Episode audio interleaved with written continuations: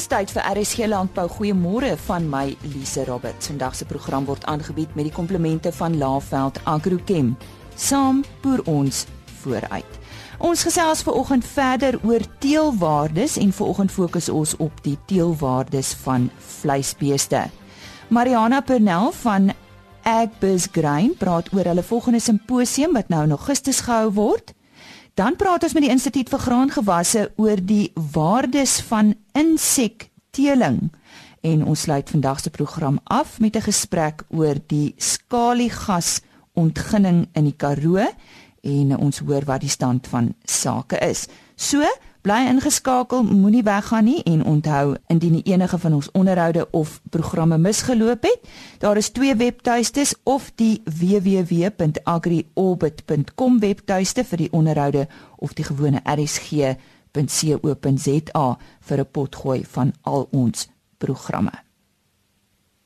Ons het gisteroggend met Dr Bernice Mostert van SA Stamboek gepraat oor die teelwaardes van melkbeeste. Vanoggend praat ons met Dr Helena Tron, ook van SA Stamboek, oor die teelwaardes van vleisbeeste.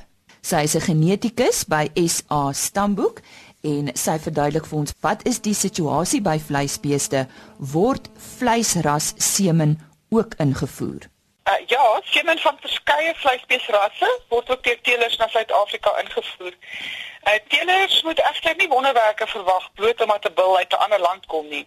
Plaaslike diere is al vir generasies hier in Suid-Afrika en is geteel om aangepas te wees by Suid-Afrikaanse toestande. Dit is die beste genetika wat jy in die wêreld kan kry vir Suid-Afrikaanse toestande. Maar mens desnietens staan is dit soms wel wenslik om semen in te voer, soos byvoorbeeld as jy die genepool van jou ras wil verbreek of as jy spesifieke lyne of gene uh, wil inbring, soos byvoorbeeld die Puna geen. En dan is dit ook goed om partykeer net nuwe bloed in te kry. Ek wil teelers net daarop wys dat hulle baie deeglik huiswerk moet doen voor die tyd en nie net bloot semen moet invoer net om in te voer nie. Wat is die probleem met teelwaardes van oorseese bulle?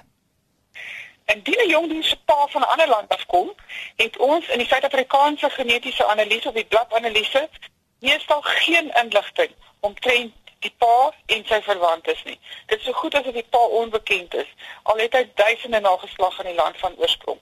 Maar daai inligting is net nie beskikbaar vir ons hier in Suid-Afrika nie. En wat dan in die praktyk gebeur is dat sulke kalvers gewoonlik baie swak teel kry. Teelwaardes kry en dis nie goeie nuus nie omdat daar gewoonlik baie duur betaal is vir die semen. Uh soos wat uh die Suid-Afrikaanse kalvers van hierdie oorseese bul egter uh, hier in Suid-Afrika gemeet word, so verander die teelwaardes en hy sal naderhand 'n teelwaarde kry gebaseer op sy prestasie in Suid-Afrika. Goed, uh, wat van muis in hierdie geval Helena? Meeste vleisbeeste werk nie so goed soos by melkbeeste nie. Hoofsaaklik omdat kunsmatige inseminasie nie algemene praktyk is by vleisbeerboere vleisbeesboerdery nie. Uh ons hoop die probleem sal waarskynlik in die toekoms met genomiese tegnologie opgelos word. En hoe word oorseese bulle dus geakkommodeer in die Suid-Afrikaanse genetiese ontledings? Op hierdie stadium doen ons aanpassings van Suid-Afrikaanse teelwaardes deur die persentieltabelle uh, direk met mekaar te laat ooreenstem of om ingevoerde bulle aanvanklik op rasgemiddeld in Suid-Afrika te plaas. En dan sodra uit die kalvers van ingevoerde bul gemeet word, beïnvloed hulle dan sy teelwaardes sodat sy teelwaardes heeltemal gebaseer word op sy Suid-Afrikaanse nageslag. Hmm. Nou as 'n produsent of teeler nou oorseese bulle wil selekteer, ehm um, hoe hoe moet hulle te werk gaan? Weereens, hulle moet net invoer as hulle deeglike huiswerk gedoen het. Moenie sommer net enige bil invoer nie. Uh hier is al heelwat buitelandse bulle met swak Suid-Afrikaanse teelwaardes en dit is gebaseer op hulle Suid-Afrikaanse nageslag. Hmm. En dit is nie net omdat hulle ingevoer is nie. As 'n teeler wil uh, uh bil wil invoer, uh, is dit baie belangrik dat die bil teelwaardes bedien in sy land van oorsprong. Dit beteken hy is onderworpe aan 'n evalueringsproses, het prestasietoetsing ondergaan en hy en sy familie is gemeet. Uh, dit is ook verkieslik dat die bil ge gekeer of geïnspekteer word deur 'n onafhanklike organisasie of 'n teelersgenootskap in die land van oorsprong en nie net die verkoper nie. Verder moet mense ook kyk hoe presteer die bil in sy land van oorsprong. as hy nie groei het in sy land van oorsprong nie, hoekom sal sy kalvers hierso groei? En as sy dogters nie melk daar het nie, dan is die kans baie skraal dat hy hier gaan melk teel. Uh onthou dat oorseese teelware is nie direk met Suid-Afrikaanse teelware vergelyk. Dis nie dis nie dieselfde diere wat in die analise is nie. Basisjare verskil uh lande soos Amerika en ehm um, die Verenigde Koninkryk meet in ponde en ons in kilogram en soos daar verskeie goed wat verskil. Kyk dis na die land van oorsprong se persentieltabelle na waar die bil in daardie land lê. Dat jy 'n finale besluit neem. En julle is natuurlik uh, die mense wat uh, ook van raad kan wees as iemand enigsins twyfel. Dis hoekom julle daar is. Ja, ja, ons is ook daar, ja. Die stem daar van Dr. Helena Tron van SA Stamboek. Die volgende Agbiz Grain Mini Simposium vind op 15 Augustus by die WNR in Pretoria plaas en om meer daaroor te vertel, die hoofbestuurder Mariana Pernell, sy verduidelik eers wat is vanjaar se tema. Die ons simposium is hierdie jaar gefokus op risikobestuur en ons het die program opgedeel in uh, verskillende sessies Uh basies is die eerste deel identifiseer die risiko. Sessie 2 is analiseer die risiko. Sessie 3 evalueer die risiko en dan sessie 4 is behandel die risiko of doen darm iets daaromtrent. so, um, ons begin die dag met 'n baie interessante praatjie veral vir my lede wat natuurlik die graan hanteerders en opbergers is en dit gaan oor die geïntegreerde waarde inligtingstelsel wat deur BFAB ontwikkel is en met hierdie stelsel kan 'n mens verskillende scenario beplannings doen en risiko's identifiseer. So ehm um, hierdie inligting kan vir my lede van besondere belang wees om hulle uh, vooruitbeplannings te doen. Dan daarna het ons 'n uh, uh, aanbieding oor 'n nuwe toepassing in die um, afstandwaarnemingsomgewing wat ons baie gaan help in die graanbedryf met die oeskattings en en alles wat daarmee saamgaan. So ek persoonlik sien baie uit daarna want tot nou toe is dit 'n geheim. So um, ons sal op daardie dag vir die eerste keer hoor van hierdie nuwe toepassing met betrekking tot afstandwaarneming. Dan gaan ons ook bietjie meer hoor oor die cultivar en tegnologie heffings op koring. Nou dit is 'n nuwe instelling wat sedert die begin van die koringseisoen daar is. En dit gaan uiteindelik ook op ander gewasse van toepassing wees, nie net koring nie. En die idee van hierdie statutêre heffing is om die fondse te gebruik spesifiek vir ehm um, kultivar ontwikkeling dat ons kan kyk na hoër opbrengste spesifiek vir die produsente en nie net gefokus op wat die prosesserings gedeelte van die mark wil hê nie maar ook dat ons seker maak die boere kan 'n uh, goeie opbrengs met die kultivars wat ontwikkel word verseker. Dan in in hierdie sessie is die laaste item die grootskaalse modellering van water en waterbeskikbaarheid en ehm um, in die graanbedryf is hierdie vir ons baie belangrike aspek veral dan nou ook ehm um, waar mense met spulpunte uh, graan produseer en ook veral in die koringbedryf waar al hoe meer en meer koring onder spulpunte ehm um, produseer word. Dan na tee sal ons bietjie kyk na ehm um, risikobestuur in die graanwaardeketting. En dit gaan die hele waardeketting onder oë neem en sien hoe die risiko's in die verskillende dele van die waardeketting my lede kan impakteer. So dit is weer eens 'n baie belangrike belangrike aspek vir hulle toekomsbeplanning. Dan gaan ons ook bietjie kyk na die instandhouding van graanopbergingsinfrastruktuur. Nou soos die meeste produsente sal weet, is graansilo's omtrent al 30 of 40 jaar oud. So die instandhouding van hierdie baie baie belangrike infrastruktuur is vir baie lede baie belangrik want ons moet verseker dat hierdie infrastruktuur nog vir baie baie jare in die toekoms in sterk sal wees en die oeste sal kan opberg sonder dat daar enige risiko's is vir die produsente wat hulle graan basies aan ons toevertrou om ehm um, agter dit te kyk, dit veilig op te berg en ook die kwaliteit daarvan te bewaar. Dan het ons 'n aanbieding oor die ehm um, evaluasie van mikotoksien stelle wat wat ehm um, die vinnige toetsing van graanlewerings ehm um, kan verseker. Dit is baie belangrik want soos baie prosesseerders sal weet, kan mikotoksine 'n baie nadelige effek hê op hulle pro, pro, eh, prosesse om graanprodukte te produseer. So 'n vinnige 'n effektiewe toets is vir die graanopberger van groot belang.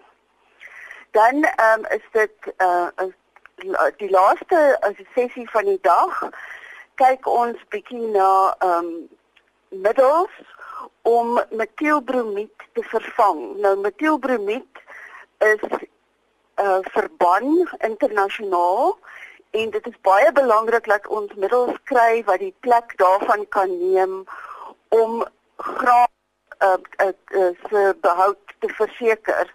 En hier het ons twee aanbiedings. Die een gaan oor chemiese sanitasie van graan en die die weerstand want wat organismes teen sulke chemikalieë kan ontwikkel en dan ook 'n voorkomende benadering tot die behandeling van graanopbergingspeste. So ehm um, dit is ook weer met die oog op die toekoms. Wat gaan ons doen nou dat metielbromied afgeskaf is? Mariana sê vir my die bywoning van hierdie dag, is dit oop vir enige een? Dit is ook vir enige een. Um, ons het aanvanklik was dit net vir graanopbergingslede gewees. Maar ons het 2 jaar gelede besluit om dit oop te stel want daar is baie belangstelling in die waardeketting op en af na albei albei kante toe. So die dag is van verlede jaar af oopgestel vir alle belangstellendes en ons adverteer dit sedertdien baie wyd. So enige iemand uh, kan ehm um, na die dag toe kom vir ehm um, persone wat dit wil bywoon. Hulle kan registreer op die webwerf agbusgrain.co.za en die koste verbonde daaraan is R750 per persoon. Die hoofbestuurder van Agbus Grain, Mariana Bernal, en net weer hulle webtuiste vir registrasies van die mini simposium op 15 Augustus by die WNR in Pretoria en dit is www.agbizgrain.co.za.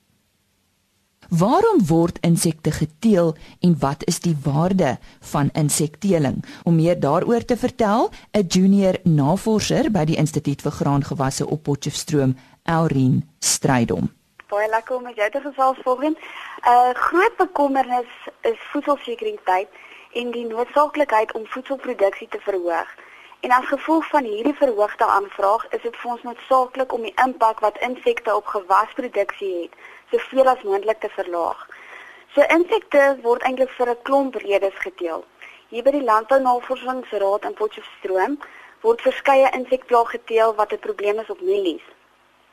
Nou die navorsing wat gedoen word, fokus ons op verskeie insekdoders te toets en ook saadbehandelings en dit is ons nou die insekdoder wat om die mieliepit is wat die saailintjie beskerm as hy nou opkom. En dan ook toets ons verskillende kultivars van verskeie saadmaatskappye. So ons fokus is eintlik op geïntegreerde plaagbeheer wat 'n volhoubare manier is om insekpeste te beheer en massateeling is 'n baie belangrike komponent daarvan. Daar is 'n groot hoeveelheid insekte wat benodig word om alle moontlike beheermetodes te toets en dit is hoekom massatelery vir ons so 'n belangrike deel uitmaak van navorsing. Daar word baie belangrike inligting versamel rakende die plaag, byvoorbeeld die lewensduur van die plaag en hoe lank elke fase van die lewensiklus neem om te voltooi. Daar kan byvoorbeeld vasgestel word wat die insekplaag verkies om te vreet en hoe die insek se gedrag en migrasie verander. Dit is dan nou byvoorbeeld beweeg hy weg van 'n plant of word hy gelok. So 'n voorbeeld van dit is ook die vatbaarheid van insekte te toets teen chemiese en biologiese insektisiede om vroeg genoeg op te tel wanneer die insek weerstand ontwikkel teen middels. Ons kry ook baie beter insig oor die voortplanting van insekte, so ons leer meer oor sy biologie.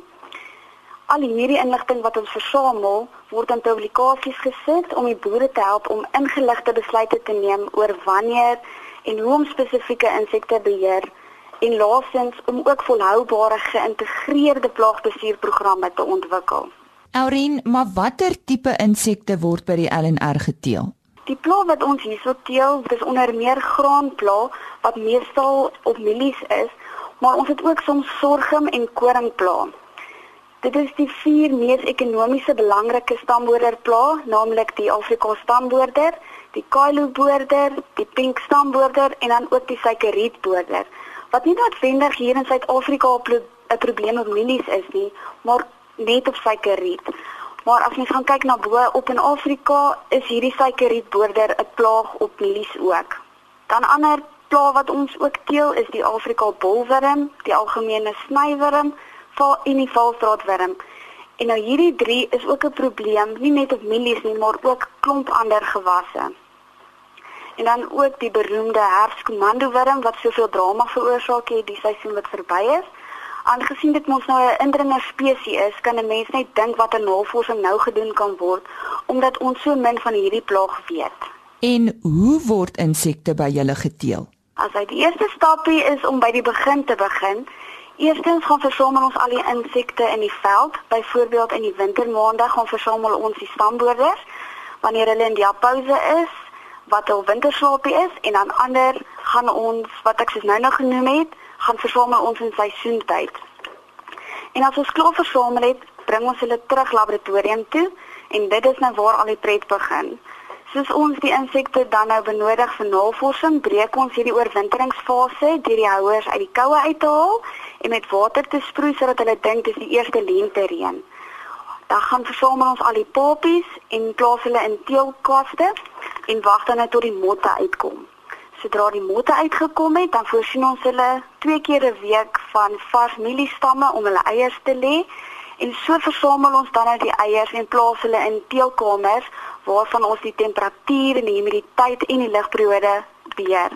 En dan ongeveer so tussen 4 tot 7 dae broei die eiers uit en dan kan ons die verskeie navorsingsproewe doen.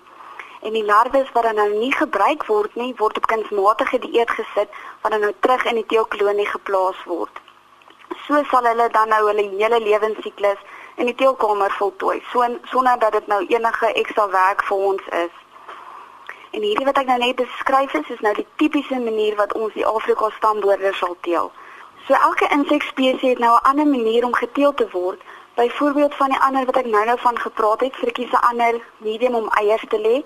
Soms gebruik ons sommer gewone bakpapier of pypskoonmakers om hulle te teel op kunsmatige dieet verkies hulle ook soms om op 'n heeltemal 'n ander dieet te vreet. So ons het 'n spesifieke resep vir elke spesies om te deel en mense moet partykeer nogal lekker kreatief raak om die beste metode te kry. En in dieselfde asem wil ek sommer die boere uitnooi om ons te kontak as hulle enige vrae het oor insekpla of biologie, enige vragie en as hulle wil kom inloer is hulle ook welkom. Goed Aurien, baie dankie. Wat is dan 'n telefoonnommer waar mense met jou kan uh gesels? Die boere is baie welkom om my te skakel by 018 299 6376 vir enige navrae of as hulle wil kom inloer hoe ons die insekte deel. Herhaal hom net vir my asseblief. 018 299 6376 Ek het daar gesels met Elrien Strydom, sy's 'n junior navorser by die Instituut vir Graangewasse op Potchefstroom. Ons herhaal gou haar telefoonnommer, dit is 018 299 6376. Hoewel die stof in die media eers effens gaan lê het oor die onlangse aankondiging van die minister van minerale hulpbronne, minister Mosebenzi Zwane, was die groen lig gegee om voort te gaan met die ontwikkeling van die skaliegasprojek in die Karoo. Nou die inwoners van die streke is glad nie gerus hieroor nie. Volgens die inwoners is dit fabeloftes wat aan die gemeenskappe gemaak word, maar die risiko van vernietiging van waterbronne in die waterarm deel van die land is te groot om hierdie kanse te waag. Nou Jonathan Deel van Treasure Karoo Action Group wat vir die afgelope 7 jaar reeds hierdie projek teenstaan, sê die nadelige gevolge wat hierdie projek vir die Karoo inhou is baie groter as wat die minister skynbaar besef en ons het by hom gaan uitvind waarom hy so voel. Jonathan, dankie dat jy vanoggend met ons gesels. Wat kan die gevolge van die skaliegas projek inhou vir die gemeenskappe in die Karoo? Dis die die moontlikheid van waterbesoedeling is die eerste en die mees dringende bekommernis. Ehm um, ek dink van al die mense wat vandag in Suid-Afrika leef, ehm um, is hierdie droogte wat ons land nou ondervind seker die ergste droogte. En uh, onder sulke omstandighede raak mense baie sensitief oor 'n proses wat selfs baie water sou gebruik as alles regloop maar wat ook 'n groot risiko inhou um vir die besoedeling van varswaterbronne onder die grond. Nou, die storie word versprei dat hierdie boorgate vir 15 jaar aktief bewerk kan word en vir die tydperk baie werksgeleenthede kan bied. Maar wat sal van die gemeenskappe word na die 15 jaar? In die eerste plek is die 15 la 15 jaar um glad nie um akkuraat nie die beste boorgate in Amerika in die beste skalie gasareas daarso hou vir omtrent 3 jaar, miskien 4 jaar voordat hulle sub-ekonomies raak en hulle hulle word uh, toegemaak. So hierdie storie van 15 jaar um, is blote bespiegeling. Daar is geen feite wat dit ondersteun in Amerika en die feite wat uit Amerika uitkom, um, is 3 tot 4 jaar en ek het daarom 'n bietjie ondervinding daarso. Ek was vir 5 weke in Amerika op 'n trip ehm um, reis rondom in deur Amerika na die fracking sites en ek twyfel dat van een van ons ministers ooit 'n so deeglike ondersoek gedoen het. Jonathan, is daar nog uh hoë regshof sake wat afgehandel moet word voordat die regering kan voortgaan met die projek? Waar staan ons? Afriforum en TKAG het vir uh, staan teen die departement minerale hulpbronne in verband met hulle regulasies. Hulle het in 2013 regulasies vrygestel wat volgens ons ehm um, heeltemal ehm um, nie op standaard is nie vir uh, tegnologies vir skaliegasontginning. Ehm um, daar was geen publieke konsultasie rondom daai regulasies en daar's daar's 'n paar ander baie goeie redes. So op hierdie stadium is daai hof daai daai saak voor die Hooggeregshof en ehm um, hulle is nie in 'n posisie om eksplorasie lisensies uit te reik. Sou hulle dit doen, dan sal ons onmiddellik die die hof benader op 'n dringende aansoek om die eksplorasie lisensies eenkant toe te sit. Is daar voldoende navorsing en impakstudies gedoen rondom hierdie projek? Daar's glad nie voldoende navorsing. Ehm um, deur die departement wil ek beklemtoon um twee groepe, um die een groep van Suid-Afrikaanse wetenskaplikes en die ander die die WNNR, um het twee baie deeglike studies klaar gemaak en en dit was in 2016 um vrygelaat. Daai studies um ondersteun heeltemal heel en al al ons bekommernisse wat ons sedert 2011 vir uitgespel het en die regering lyk vir my het nie eens daai studies gelees nie. As jy moet luister hoe, hoe praat die ministers en die feit dat hulle nog steeds hierdie tegnologie wil in in die Karoo wil injag. Nou ek glo dit sal nie die eerste plek wees waar skaliegas ontgin word nie. Watter impak het dit op omgewings en gemeenskappe in ander dele van die wêreld waar skaliegas wel ontgin word?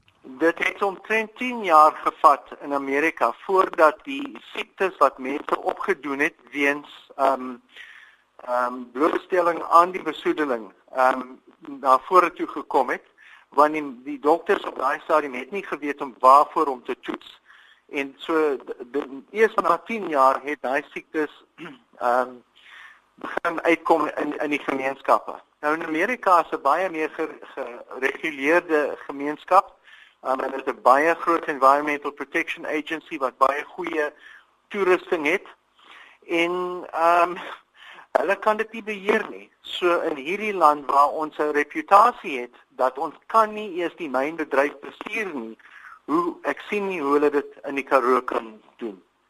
Kom ons uh, kom 'n bietjie terug by werksgeleenthede. Weet jy dalk wat die jaarlikse inkomste en aantal werksgeleenthede wat aangebied word in die gebiede wat uitgesit is om skaliegas uh, te ontgin? Het jy enige syfers? Ja, ek het. Ehm um, in 2012 het Shell bespiegel en die hierdie syfer is nou heel en al baie keer weer her, herhaal deur die regering uh, tussen 300 000 en 700 000 soos wat hulle noem permanente werkgeleenthede.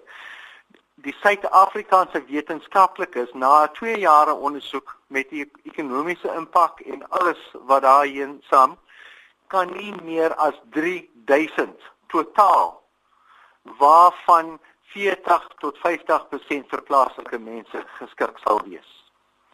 So ek kan nie verstaan hoe die minister voor die gemeenskap kan gaan staan en hulle vertel van werkgeleenthede as hulle hierdie syfers tot hulle beskik het. Net om hier af te sluit uh, Jonathan, um, ons gesels nou met landbou vanoggend en daar's heelwat landbouers wat julle ook ondersteun, is ek reg? Dis definitief so.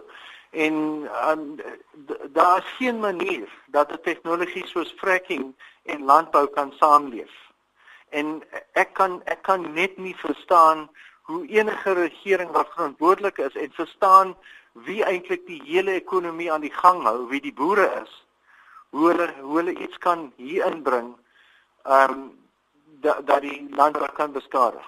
Ons kan hierdie gas koop van Tansanië, Mosambiek, Angola of selfs die ooskus van Amerika baie goedkoper as wat ons dit hier onder die Karoo uithaal en sonder die risiko aan water.